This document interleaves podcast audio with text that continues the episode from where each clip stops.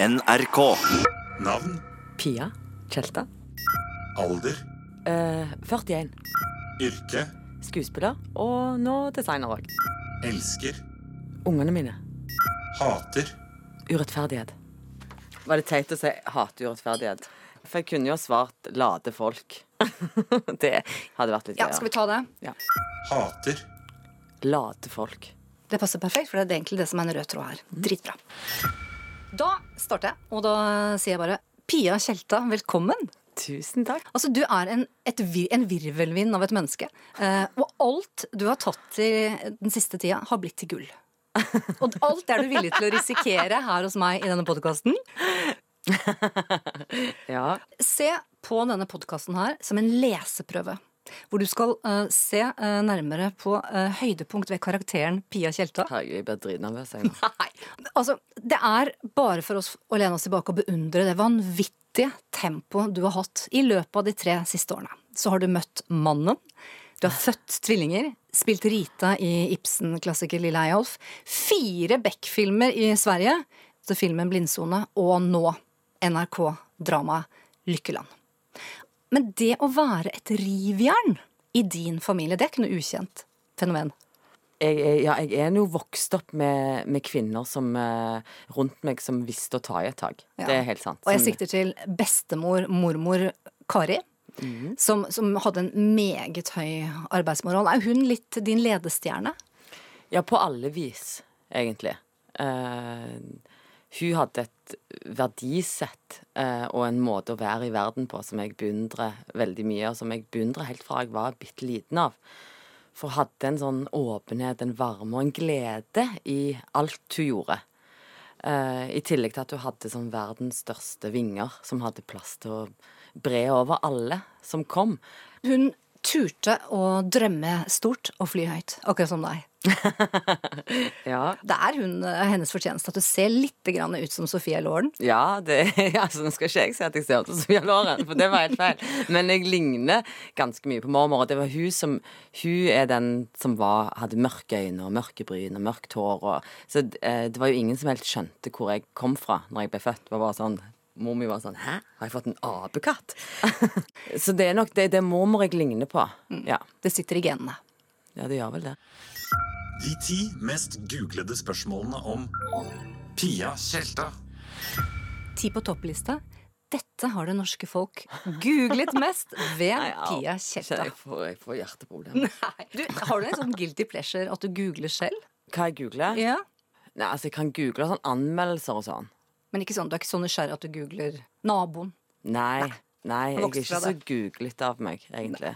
Ok, men da vil vi bare kjøre. Det er en aktuell liste. Den eh, følger selvfølgelig det som har skjedd den siste tida. Da begynner jeg nederst. Herregud, jeg blir dritnervøs. Spørsmål ti. Pia Tjelta og Lykkeland. Høstens store dramaserie her på NRK. Og det handler om olja, og du sier dette er beste manus ever. Fordi det forteller noe om hva det gjør med et menneske å bli stilt overfor store omveltninger, og nettopp utsikten til stor rikdom. Veldig sånn mellommenneskelige historier. Du spiller rederfrue Ingrid Nyman. En bemidlet kvinne som står foran et stup. Ja, altså, familien Nyman eh, de representerer jo overgangen fra gammelt til nytt. Sant? Fra fisk til olje. Men òg mye av den frykten som lå i den store endringen som de sto overfor. Norge var jo et fattig land. Stavanger var Norges fattigste by. Eh, og de tomme fabrikkene økte jo bare i omfang. Og Ingrid Nyman, hun, eh, hun gjør ting og sier ting eh, og utfører ting som ikke tåler dagens lys. Samtidig som hun er denne Fasaden. ja, denne representanten utad, og samtidig som de ser ganske liksom, perfekte ut utad, eh, så er det liksom et stort drama innenfor de fire veggene som eh, Så jeg har elsket å spille det. Og man kunne lage, jeg føler man kunne lagd en hel serie bare på den familien, fordi det er så mye å ta tak i der. Det blir sikkert en sesong to og tre. Tror du ikke det? Å, la oss håpe på det. Men jeg tror at det er viktig å fortelle denne historien til unge mennesker i dag. fordi at de tar jo eh, velferd og velstand som en selvfølge. sant? De trenger jo òg å bli kanskje minnet på at eh, en gang så var det noen som tok noen valg på vegne av fellesskapet.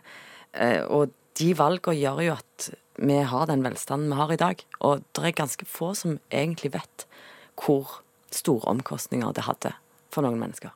Ble du overrasket selv? Ja. For jeg har ikke lært noe særlig om dette på skolen. Jeg har jo egentlig ingen spesiell erindring av eh, en by i vekst, fordi jeg er født i 1977. sant? Da var det allerede skjedd veldig mye. Så jeg er jo liksom født inn i det, på et vis. Men min far forteller jo veldig mye om eh, om en endring som gikk fortere enn de skjønte sjøl. Han har jobbet på Sola flyplass siden han var 16 år, og plutselig så fikk jo de ekstremt mye å gjøre på Sola flyplass. Eh, hvor det hadde vært rimelig stilt. Sant? Men som plutselig så ble jo Stavanger et sted å regne med. Eh, og det forteller han om at det gikk så fort at de liksom ikke skjønte hva som skjedde. Og så kom Pia Tjelta. Byens stolthet.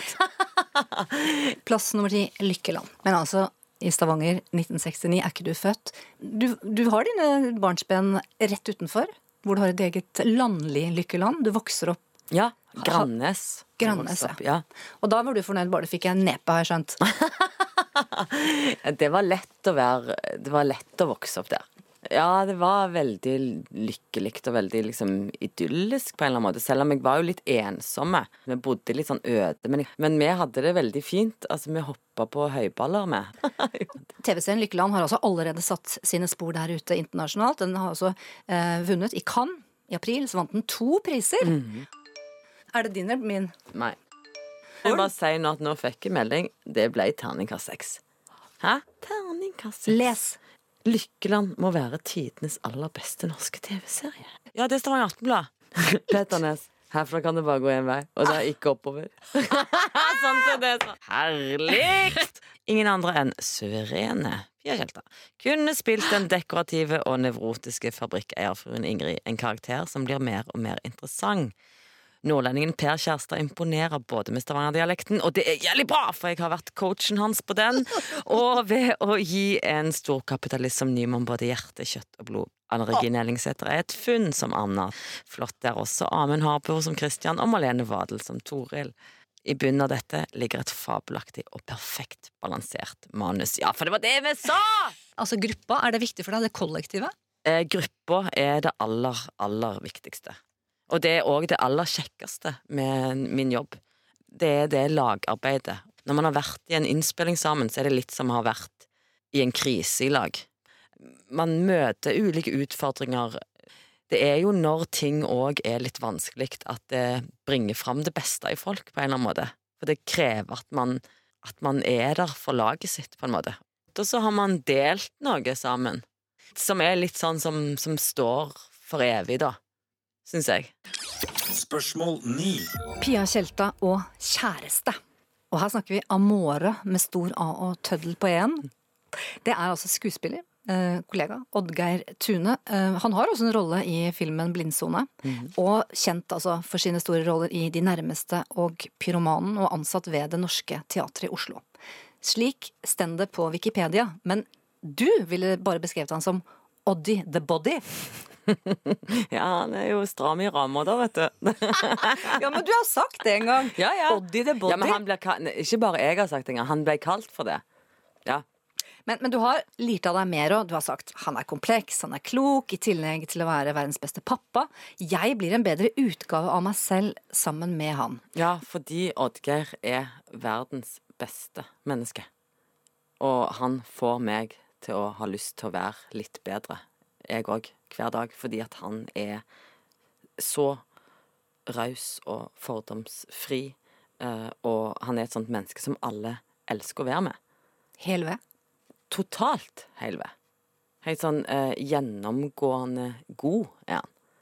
Men det høres litt ut som han er dum i hodet òg, når man er så god. For han er ikke bare det. Han kan være dystopisk som bare det òg. Eh, men han er, er så ekstremt smart. det. Og så er han en sånn fyr som alle vil være med. Og det syns jeg er en så fin egenskap. Du blir stolt av det. Han er min. Ja, jeg er stolt av han. Også, men så er han liksom òg en sånn fyr som klarer seg sjøl, på en måte. Men var det også litt som å komme hjem? Eh, Og det var jo kanskje i bokstavelig form, da, fordi han er jo også fra din landsdel. Han er jo fra Stavanger. Ja, vi er liksom vokst opp nesten i samme år. Han er ett år yngre enn meg. eh, men vi vokste opp Det er bare lille Hafrsfjord imellom der vi vokste vokst opp. Han er vokst opp i Kværnervika, og jeg er vokst opp eh, på Grannes. Eh, sånn at vi har veldig mange fellesreferanser. Møtte dere hverandre noen gang som barn? Nei, han gikk på den kafeen jeg jobbet, for han syntes jeg var fin. ja. Du, Her er det jo nesten mulighet for en ny krønike. Ikke To sant? slekter Ja, mellom fjord. Og du, Pia, det tenker i hvert fall vi andre kvinnene, du har jo hatt et voldsomt drag på gutta. Syns du? Ja, det syns jeg. Ikke Nei, det har jeg egentlig ikke. jeg Alle menn hatt- elsker Pia Tjelta. Nei, jeg har alltid hatt type, vet du. Ja, og du har jo de hatt de kjekkeste kara, liksom. Jo da, men jeg har, altså, jeg har vært for lite singel i livet. Syns du det? Ja, altfor lite.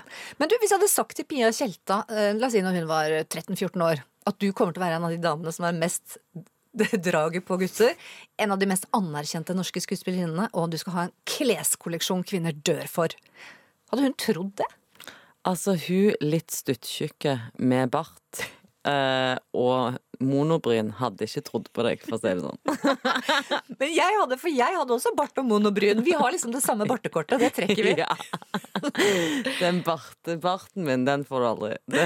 Ja, for du har sagt at eh, man betaler en viss pris for å se eksotisk ut. Har jeg sagt det? Det var jo jævla løye sagt, om jeg skal si det sjøl. Ja, jeg er enig. Du har mange gullkorn, skjønner du. Jeg tenker på at det kan bli en bok, jeg. Nå ringer han her. Jeg må bare si at Ja. jeg er litt sein nå. Er det mannen? Hei. Hei. Du, jeg er bare litt sein, for det tar litt lengre tid, men jeg kommer så fort jeg kan nå. Snakkes. Ha det. Ha det. Uansett, oppsummert da med sk- skuespiller Oddgeir Tune, eh, så må jeg bare si at du har allikevel en alder av 41, sier du. Jeg vet ikke om jeg tror det, men du sier du har aldri blitt fridd til. Nei, det er helt sant. Er det greit? At det er greit? Nei. Det fins jo ikke greit. er du gal? Nei, er du giftesjuk? Helt totalt giftesjuk. Men du har fått ring, så du er på vei. Du er underveis. Ja, jeg har fått fødering. Ja. Ja. Mm, det var nydelig. da. Ja, den er veldig fin, ja. Og denne kjøpte jeg til meg sjøl i New York. Så kom jeg hjem så sa jeg til Oddgeir se hva jeg har fått av deg. Spørsmål 8. Pia Tjelta og alder. For tolv år siden, Pia Tjelta, 28 år gammel, så maner du også til et opprør eh, mot en mannsdominert eh, bransje innen teater og film, og etterlyser større utfordringer, mer komplekse kvinneroller. Nå er du 41, og du opplever også ditt, man hva skal kalle det, ditt andre store gjennombrudd. Kan man si det? Du er jo da et bevis Pia Kjelta, på at folk vil ha ekte, levd liv på scenen, eller på lerretet. Det kjennes veldig bra, eh, og det kjennes jo sant. Fordi det er jo det vi vil. Vi vil jo se eh, og bli fortalt historier om eh, kvinner som man kan relatere til. Eh, og hvis man bare hele livet skulle sittet og sett på folk som eh, var 25, eh, så hadde, hadde vi jo ikke opplevd at våre historier ble fortalt. Og det er jo enormt mange bra eh, historier som er sett fra et kvinneperspektiv, også regissert av kvinner, eh, nå i 2018. Ja, det er jo et helt eh, ellevilt eh, bra år, sånn sett. Men det var en periode i karrieren din eh, hvor du fryktet for framtida. Du du var litt bekymra, var du ikke det, på hvilke roller som skulle komme, og hvor du skulle ende når du ble eldre? Ja, men det tror jeg man er hele veien i dette yrket. Det er så forgjengelig på en måte. Sånn at den, den på en måte frykten, eller hva man skal kalle det, eh, eller usikkerheten, da, det er jo noe man har med seg konstant på et eller annet vis. Selv når det går bra, så tenker man sånn Å, OK, men det går jo tidsnok til helvete, dette her. Så at eh, altså, du, du har det med deg hele veien, på en eller annen måte, fordi at man jo ikke er i besittelse av å ha makten over sitt eget virke i så stor grad. Som skuespiller er det jo alltid avhengig av at noen velger deg. Og at noen vil være med deg og jobbe med deg og ha med deg, på en måte. Men, men var det sånn i din egen karriere at du ehm, altså var redd for å mislykkes? Det med å være redd for ikke å få det til, og være redd for ikke å være god nok, eh, det hadde jeg absolutt en frykt i forhold til. Men det ser ikke ut som den kvinnen jeg ser rett inn i øynene på nå, eh, har det lenger. Når, når kom vendepunktet? Når tok du liksom kontrollen? Altså, det er vanskelig å si, eh, fordi det Ofte så handler det jo kanskje mer om ting i deg sjøl enn nødvendigvis utenfor deg sjøl, på en måte. Så på en eller annen måte så skjer det et eller annet òg når man lener seg litt tilbake og puster litt, på en eller annen måte. Og ikke vil så hardt og så mye. Og jeg tror at jeg var veldig sånn framoverlente, på en eller annen måte. Og veldig, veldig sånn, jeg ville veldig mye på en gang. Eh, eh, og var ivrig Petra, liksom.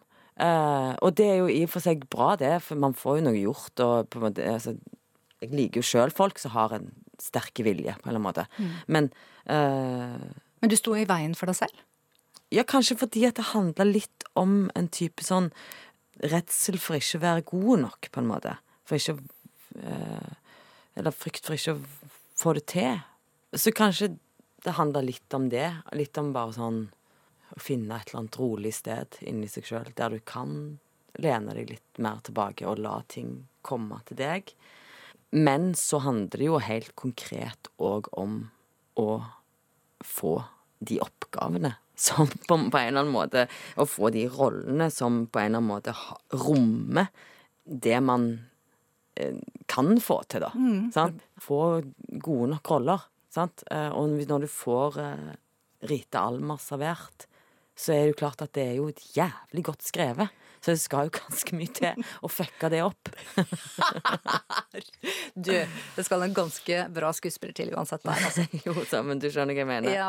Punkt nummer åtte. Pia Tjelta og alder. Som Johan Olav Kaas. Så før OL på Lillehammer så hadde han én psykolog i hvert øre. Ilen-søstrene.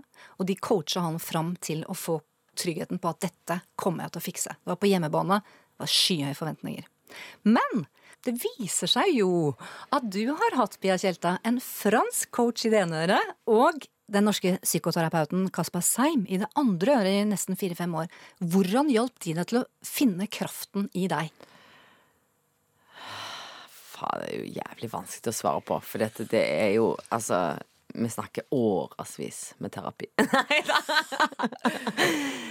altså, begge de to, både Pascal Lunå og Kasper Seip, har på en eller annen måte lært meg å noe så banalt som egentlig å være i det som er.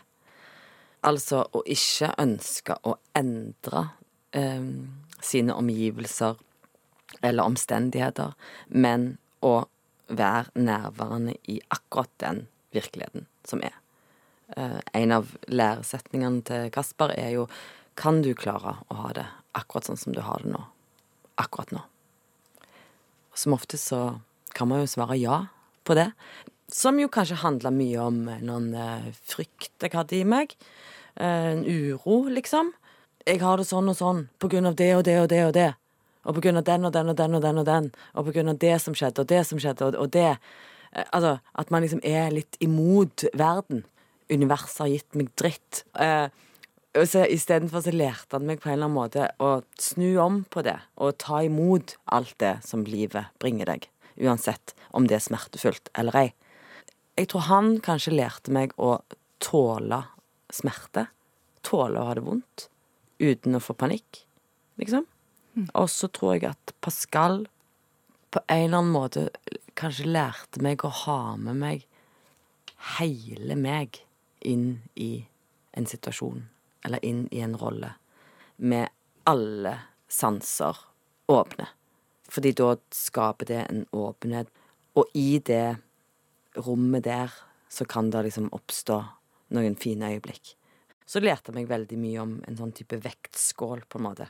En- Altså, en godt skrevet karakter har jo på en eller annen måte et stort pluss og et stort minus. Som, den, som karakteren dras imellom.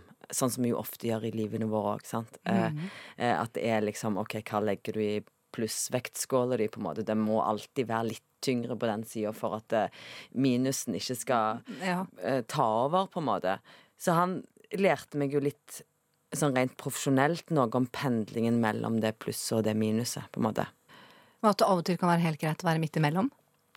Så klart, for man må jo innom der òg, hvis det skal finnes noe som helst dynamikk her. I både, liksom, i både en scene og i livet sjøl. Men nå har du da lært da, at du selv er ansvarlig for din egen lykke.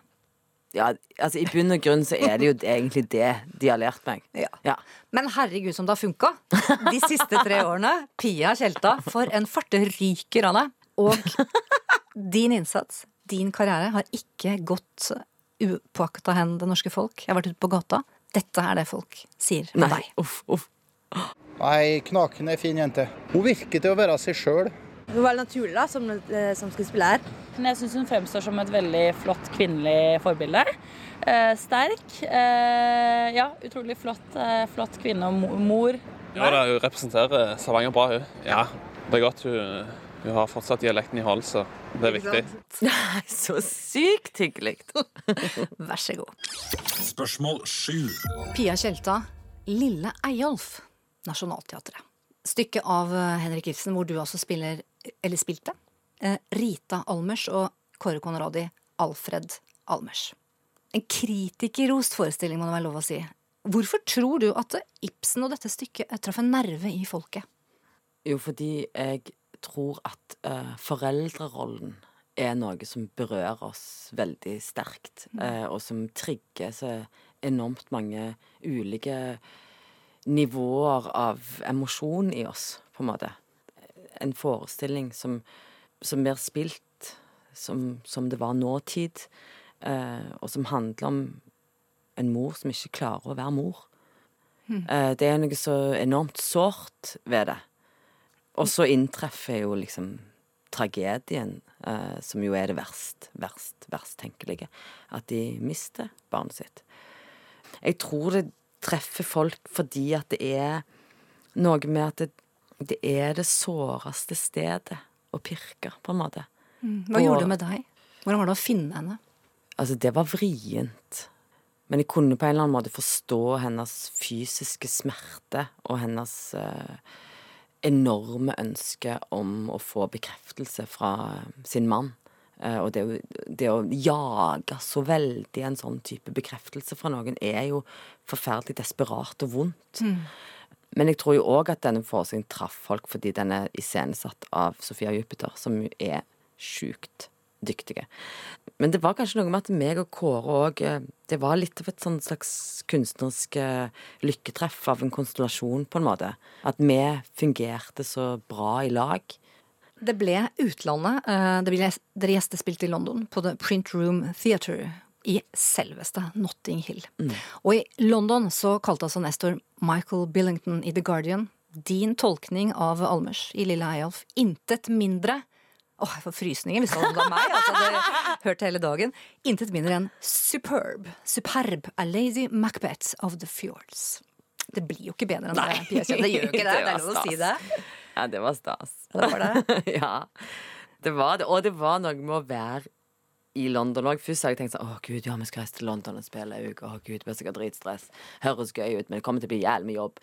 Men så, når vi kom dit og spilte på det lille magiske teateret som The Print Room er Det er så fint og vakkert rom å være i. Så det ser ut som et sånn estetisk skattkammer, på en eller annen måte. Og litt sånn som jeg trodde at et teater ville se ut når jeg var bitte liten. Og så spilte vi jo for fulle hus i en uke. Og det òg var jo helt sånn Hæ, kommer det folk? det var ganske Det var liksom litt sånn uvirkelig, på en måte. Nummer syv. Pia Tjelta. Lille Eyolf. Nationaltheatret. Ja, ikke, ikke mange år siden du ble ansatt på Nationaltheatret. Men du har mange bein å stå på i tillegg. Det er film, det er TV, det er design, og det er teatret. Så må jeg spørre, eh, er det Nationaltheatret som er skal vi si, hjemmet ditt? Selv om det kanskje er i ferd med å ramle sammen, da. Men er det er det, det du kaller hjerte og hjem? Ja, det er det. Og det er der jeg vet at jeg skal bli gammel, på en måte. Ja, det er der jeg føler at det er her, det er dette som er liksom jobben min. Det er her jeg skal være. Fordi jeg elsker det teaterhuset og de folka som jobber der. Og, og det er noe ekstremt sånn trygt med å vite at eh, her i dette, i dette bygget skal jeg få holde på med liksom verdens beste kollegaer. Og selv om jeg har mye permisjon, så opplever jeg det som, som liksom øverst på lista, da. Spørsmål seks. Der står det rett og slett bare Pia Tjelta og sang. Du, du har tatt sangutdanning, og du sto til laud, to blank. Hæ? Har jeg det? Nei, det står at du Nei. kom tilbake fra London og tok sangutdanning i Norge.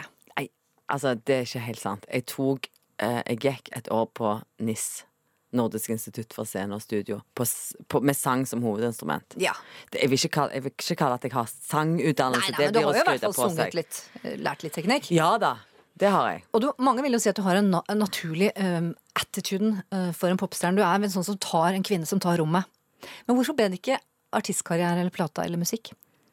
Altså, jeg hadde en mailadresse en gang som het Pia Popstjerne. Eh, eh, som egentlig var på tull.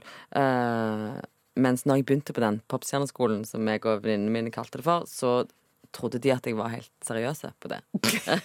så, hvilket jeg ikke var. Men akkurat det med det, der tror jeg jeg kjente at uh, dette her er det fryktelig mange som gjør sjukt mye bedre enn meg.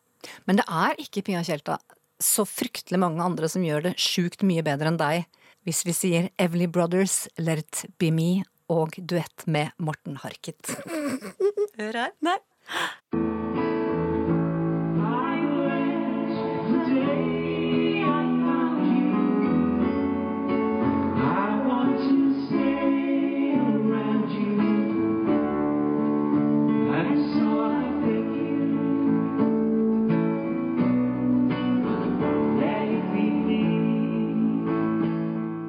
Er jo jævla løye. Jeg syns det var nydelig, og hvorfor ble det ikke en singel? Nei, Hvorfor ble ikke det en singel? La oss uh, ringe Morten Harket og spørre om det. Dette var en one night only affair uh, utenfor når, når Eger åpnet på Karl Ja da, Men det var nok mitt musikalske høydepunkt, vil jeg si. Eller var det, for de som var til stede, når du i Stavanger under Gladmatfestivalen setter opp en kabaret uh, med Espen Hana som heter altså 'Ingen grunn til å svelte med Hana og Tjelta'. Ja, det var første gang. Og etter det så heter det Steng vågen. Eh, som er et sånt Stavanger-uttrykk eh, som vi brukte mye når jeg var yngre. Eh, hvis det var et eller annet som skulle skje i Stavanger. Og sånn, det, er, det er helt sant og på ordentlig. At det, Stavanger arrangerer jo mange sånne festivaler og fester og masse greier. Det er alt fra gladmat og det, det, det er mange, veldig mye som foregår der. Og da stenger de vågen. Det betyr at da er det fest i Stavanger. Så vi har tulla mye med det. At eh, ja, ja, vi skal være hos Maren på nyttår. Ja, steng vågen! Det er fest! eh, sånn at eh, de to andre kabaretene våre heter Steng vågen 1 og Steng vågen 2. Legendarisk.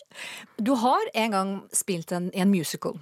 eh, Og det er kanskje den eneste gangen jeg har sett at du har fått blandede kritikker. Ellers så har det vært Sky's the limit. Og det var uh, i Le Miserable. Um, hvordan du som person takler, hvordan takler du pressekritikk? God eller dårlig?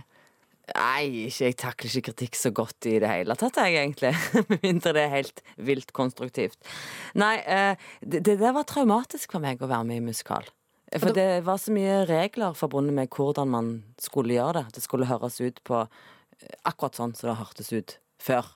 Eh, så det, det der var traumatisk. Jeg slutta å synge etter det. Nei, du gjorde ikke det? Jo, jo. Jeg synger bare med Espen Hana. Når han setter seg med Du som pianoet, da elsker kan jeg jazz og være. Sigvart Dagsland. Ja, men eh, det blir Det eh, gjorde vondt, så vondt. Ja, det syns jeg var traumatisk. Jeg er glad at jeg eh, erfarte det, for da eh, kunne jeg jo sjøl ha såpass mye sjølinnsikt at jeg visste at det, musikal det er ikke noe for meg. Det er ikke din greie. Nei, det er ikke Og det. vet du hva, Pia Tjelta, you can't win it all. vet du hva, det ville vært urettferdig. Spørsmål fem. Pia Tjelta, blindsone. Altså, du står jo for en av kinohøstens sterkeste rolleprestasjoner i filmen. Regissert av Tuva Novotny. Du spiller altså moren Maria. Som også opplever at den tilsynelatende lykkelige tenåringsdatteren forsøker å ta livet sitt. Du er mor selv til Sofia som er 17 15. Du kan fysisk kjenne på kroppen hvordan det ville vært. Absolutt. Kan jeg det. Eh, og når Tuva sendte meg det manuset første gang, så ringte meg bare og sa sånn Hei, jeg sendte sendt deg et manus. Eh, og så klarte jeg å lese kanskje ti-tolv sider av det manuset. Så klarte jeg ikke å lese mer. For jeg syns det, altså det Jeg ble så emosjonelt grepet av det. Uh, men så, etter noen dager, når jeg hadde greid å lese hele, så ringte jeg til Tuva, så sa jeg eh, Ja, men Tuva, dette, dette klarer ikke jeg å gjøre. Du sa det? Ja. Så hun tilber meg liksom ikke den rollen, hun bare beordrer meg til å gjøre den. Uh, hun bare 'jo da, det klarer du'. Uh, så jeg var uh, utrolig sånn redd for dette, for å ta i det, på en måte. For jeg var så redd for at jeg ikke skulle klare å få det til igjen. Um, en tagning i 98 minutter. Og Ja. kamera følger deg. Det er hudløst. Ja. Opplevde du det sånn selv? At, at den var veldig liksom, helt inn i intimsonen din? At her var det ikke noe du kunne skjule deg bak? Ja, absolutt. Det var ingen, ingenting å gjemme seg bak. Eh, Det, det var liksom ikke rom for noen triks. I blindsone så var det jo bare å kaste alt. Så handla det mest om å om å gjennomleve det. Og det kan man ikke gjøre liksom på ren teknikk. Altså det, det må Det måtte jeg, Pia, eh, tro på. Eh, det er noe av det mest spesielle jeg har vært med på i hele mitt liv. Og den har òg gjort at eh, jeg opplever å ha møtt publikum på en helt annen måte enn før. Tar du den klumpen i magen med deg, eller klarer du bare å legge den angstklumpen det må være å spille en sånn mor vekk, og så er det hjem, og så er det ta taxi, og så er det middag? Eller påvirker det hele perioden du spiller inn? Altså, det påvirker kanskje liksom tankesettet mitt på en eller annen måte. Men så er det jo sånn, som man alle vet, når du har unger, eh, så skal du hente de i barnehagen, eller skal du hjem og legge de, skal du hjem og skifte bleier og få på pysjamas og lage kvelds Altså, det er ikke mulighet for at du kan gå rundt og være inni en slags sånn artistiske sfære. Altså, jeg kan bare drite i. Jeg må Altså, de fiskepinnene må stekes. Skjønner du? Sånn at det, det er ikke sjans til det. Nei, og kanskje det er litt godt òg? Ja. Og det er Jeg- slitsomt. Jeg, jeg syns det er fint. Punkt nummer fem. Pia Tjelta og blindsone. Og mange mener at dette er din beste filmprestasjon hittil. Jeg sier hittil. Jeg er bare 41. Og for det så vant du også den ærefylte prisen for beste kvinnelige skuespiller under den prestisjefylte filmfestivalen i San Sebastian. Og prisen er også kjent som Sølvskjeen. Og det er bare Nei, sølvskjell. Sølvskjell, ja. Unnskyld. Sølvskjell. Er det det? Nei, ja. Det er gøy med sølvskei og skjell er ja, ikke sølvskje. samme. Ja. Prisen er Slutt å le. Hørtes ut som sånn dåpsgave. Ja, men det er jo flott. Det er jo Ja, ærefullt ja, ja. å få. Ja. Prisen er kjent som Sølvskjellet. Og Liv Ullmann er altså den eneste andre norske skuespillerinne som har vunnet denne tidligere. Det er gjevt. ja, det er så sjukehus. Ja, det er det. Ja, det er det faktisk. Og Pia Tjelta, det stoppet ikke der. For, for du ble altså tildelt Wenche Foss ærespris 2018. Og Den deler du med Rådet for psykisk helse. Mm. Gratulerer. Tusen takk.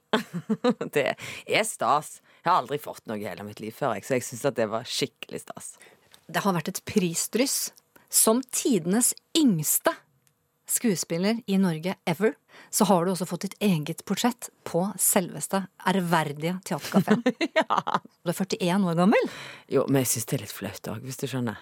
Altså, jeg skjemmes litt òg, selv om jeg, jeg forstår at det er helt sjukt stas eh, og ærefullt og alt sånn.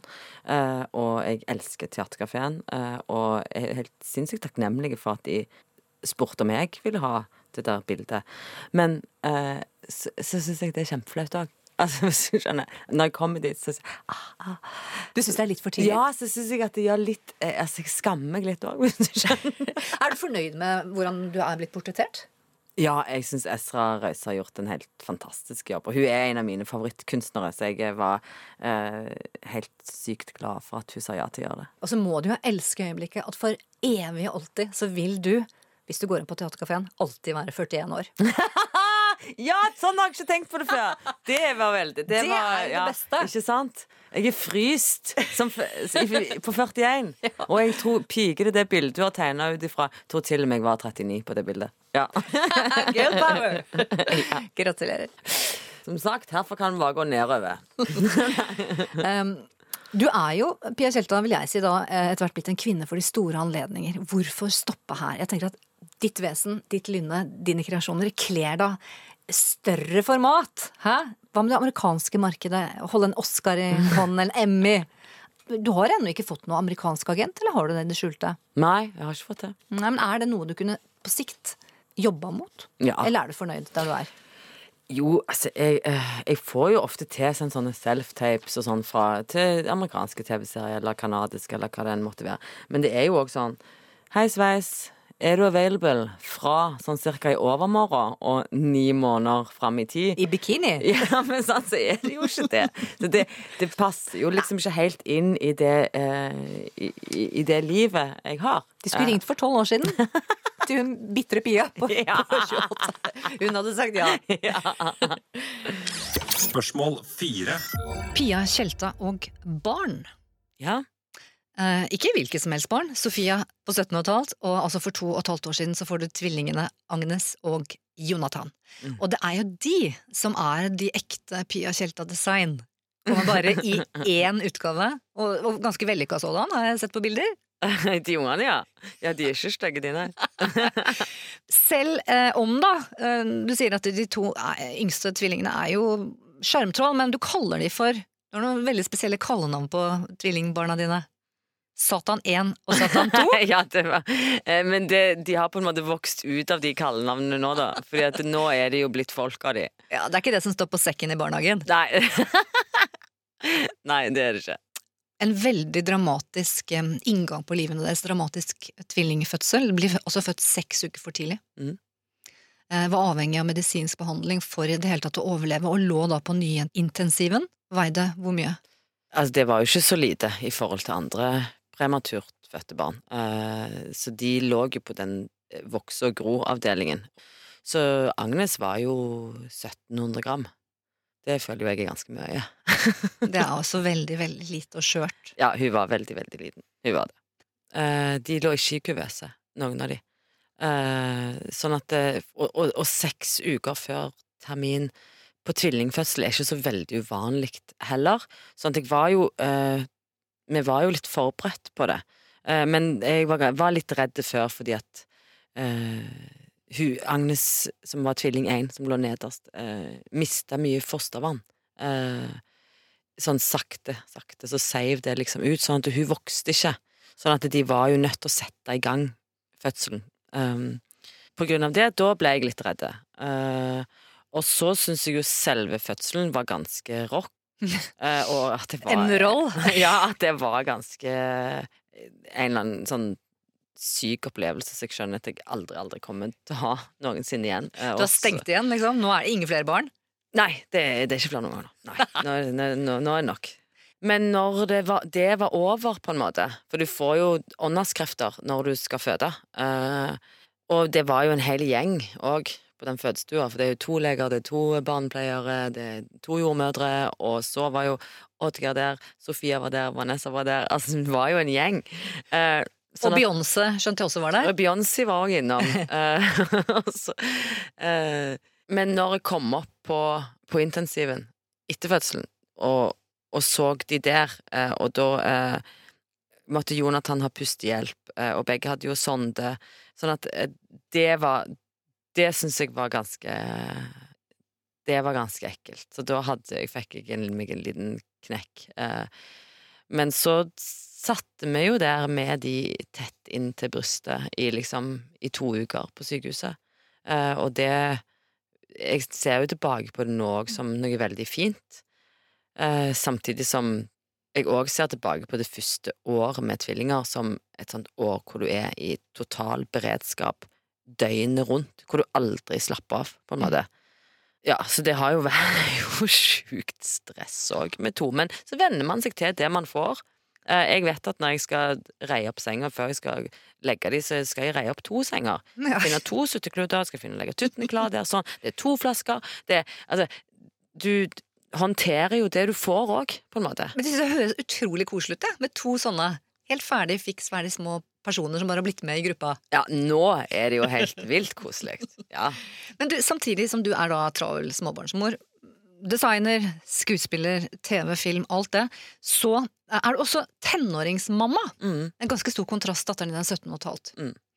Og jeg vet at er litt dårlig samvittighet der, for disse små krever sitt. Det er lett å vippse til datteren. Du får det hun trenger, eller vil ha. ja da. Jeg gjør sånt enn å vippse. jeg. Men, og hun har det også med Kyrre Haugen Sydnes, Mm. skuespilleren. Eh, Dere, du ble gravid 22 år gammel når du gikk på Teaterhøgskolen. Mm. Men du har, dere, vil jeg si, ikke bare du, men dere har klart det som ikke mange klarer. Det å være gode venner, ikke bitre, ikke fiender, ingen sjalusi. Mm. Men dere er liksom en del av hverandres familie. Ja. Hvorfor familie. Er det viktig?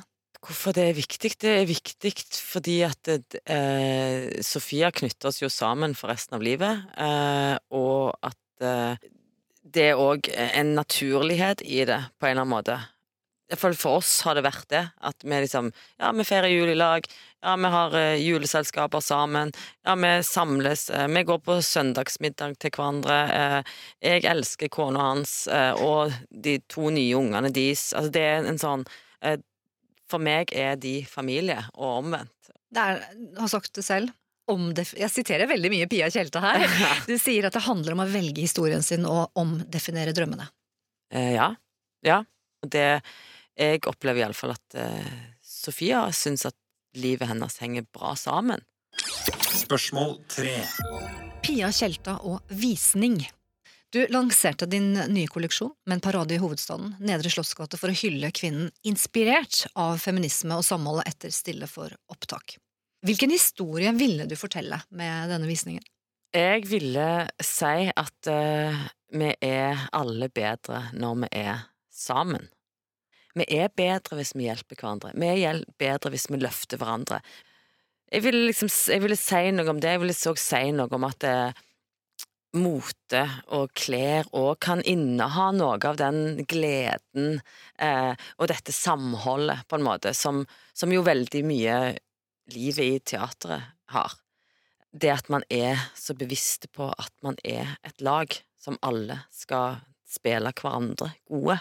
Eh, det var det jeg ville si noe om, tror jeg. Du, Eh, du holdt eh, fanen høyt, og der sto det ja, altså der, der sto det Here is Here's to strong women, may we know them, may we be them, may we raise them. Så det var òg på en måte et, et slags feministisk tog eh, for framtida, nemlig ungene våre, på en måte. For eh, de vi skal oppdra. Eh, hva slags Oslo er det vi vil oppdra de i? Eh, hva slags eh, folk er det vi skal gjøre de til? Eh, så det var jo òg et slags manifest. Altså, jeg hadde òg et annet sitat som eh, She needed a hero, so that's what she became.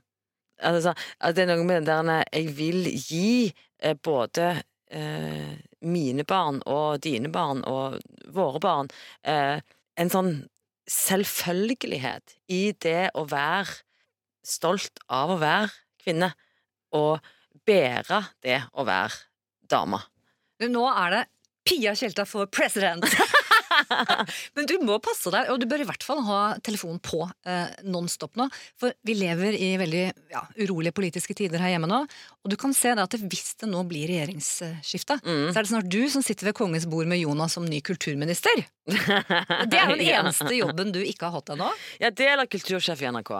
Ja. Det kan òg være at den skal jeg òg søke på når jeg blir 60. Ja, men da, da hadde det rett og slett blitt Tore Tang hver eneste morgen mellom åtte og ni. Spørsmål to. Pia Tjelta Instagram. 65 100 følgere. Det er sykt mange eh, følgere som er opptatt av livet ditt da, på Instagram. Hva tenker du rundt det? Jo, den er jeg ganske bevisst omkring. Uh, fordi den er jo noe jeg bruker uh, som et profesjonelt verktøy. uh, og ikke, ikke så veldig mye som et privat verktøy. Hvis jeg vil sende noen til noen privat, så sender jeg de et bilde. Eh, en god gammeldags MMS. Ja, For det er ikke noen videoer på nattestid fra Ryddvågen! Steng vågen, det er fest! Uh, nei, det er det ikke. Uh, så jeg, jeg deler stort sett ting når jeg enten har noe jeg skal selge, altså en TV-serie, en film, eller en kjole, eller en kolleksjon. Eh, så jeg er jo bevisst på at det er et veldig eh, virkningsfullt verktøy, Mm. eh, hvor man både kan være profesjonelle og private, eh, eller personlige, på en Mm. måte.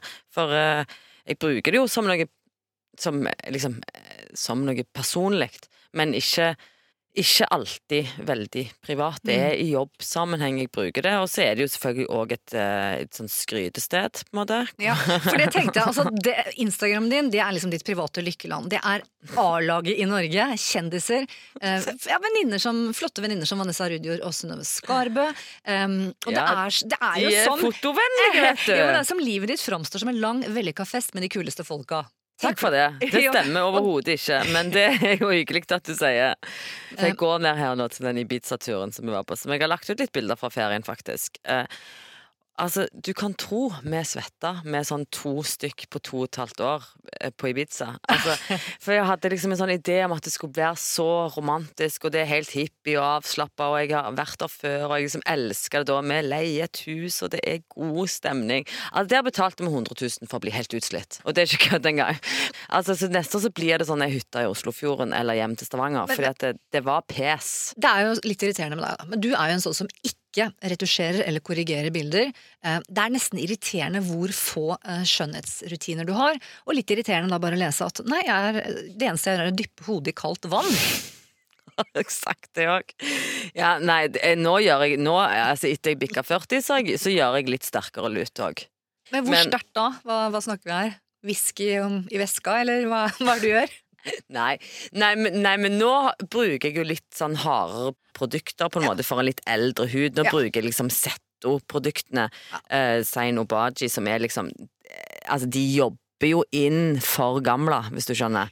Sånn at det, Før så stappet jeg hodet i vann, men eh, nå har jeg begynt å bli litt mer bevisst eh, omkring det. Men det er veldig veldig få bilder av um, hva skal vi si, Villmarkens datter. Det er, det, er, det, er noe, det er ikke veldig mye bilder fra naturen. Jeg lurer på, Er liksom det din akilleshæl? Fordi en gang så sa du at du hater å gå langrenn. Eh, du blir med, du sutrer etter fem minutter, du går bakerst i sorte, trange jeans og boblejakke og røyker. Omtrent. Mm. Når, Det var kanskje litt satt på spissen, men eh, det er, er kanskje noe av det aller, aller verste jeg kan bli utsatt for, det å måtte gå på langrenn. Men det er jo bare fordi jeg er veldig dårlig til det.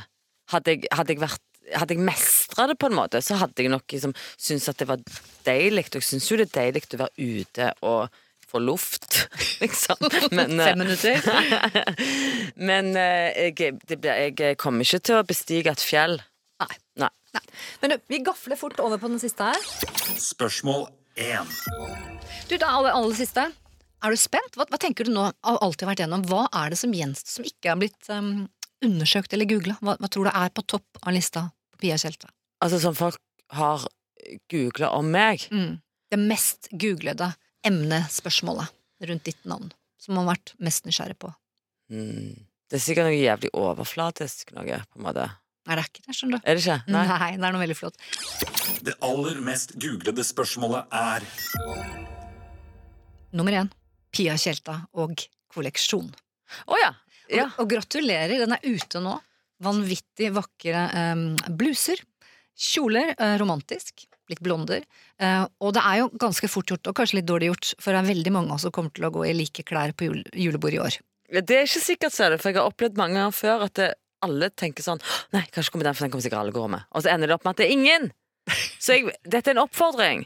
Ta på dere driten. Vær så snill, for jeg blir så glad av å se at folk går i mine klær. Det blir jeg skikkelig stolt av. Kan du avsløre at det stemmer at flere av de plaggene som du bærte i Likeland på NRK, er, har altså direkte inspirert deg til denne kolleksjonen? Ja, høstkolleksjonen altså av verten som er ute i butikk nå. Eh, fordi det var helt umulig for meg å ikke bli inspirert av det å gå rundt i Karen Gram sitt liksom enorme kostymegalleri. Eh, og kjenne på alle de stoffene og kvalitetene og den Ja, noe med den eh, stoffligheten, liksom, i, i, i den tida. Sånn at det, der fins en Nyman Dress.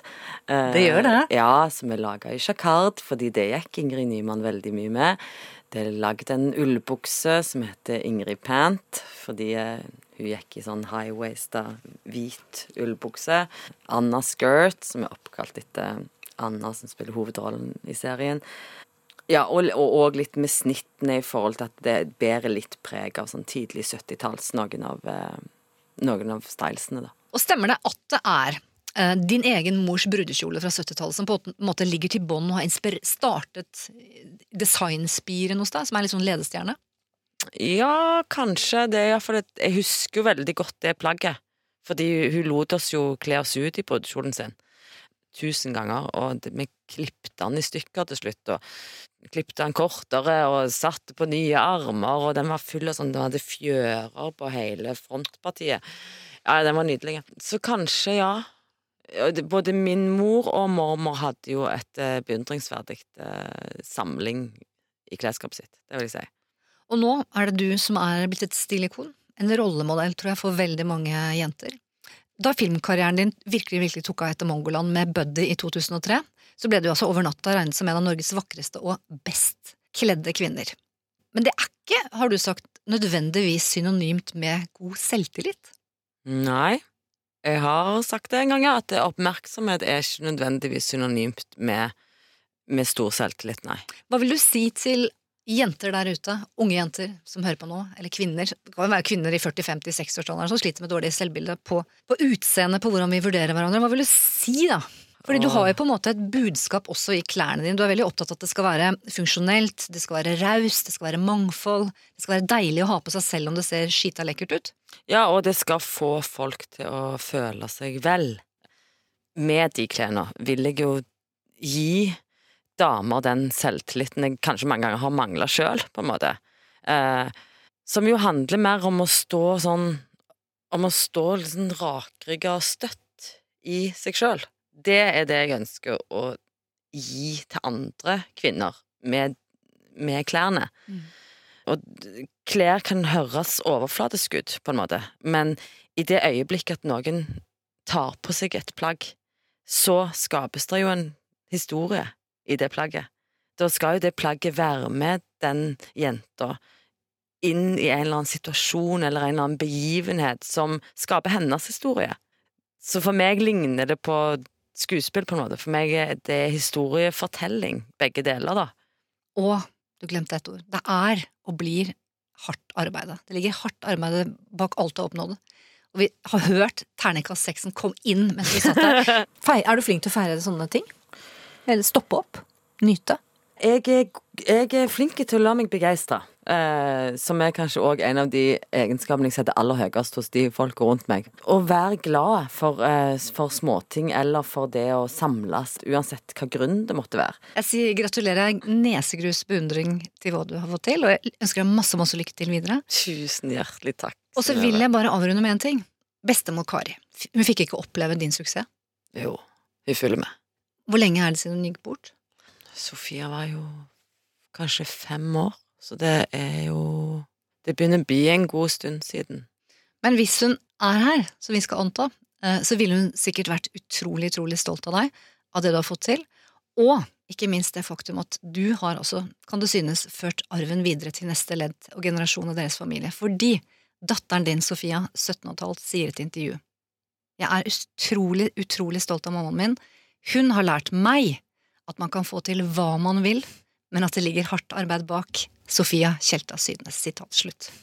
ja, er fantastisk. That's my girl. That's yeah. your girl. Tusen takk, Pia Tjelta. Løp til samboer, til film, til TV, til eh, anmeldelser, til champagne, til maleri på Teaterkafeen. Tvillingene! Kos deg og nyt eh, denne høsten, for den er nok en gang din. Tusen hjertelig.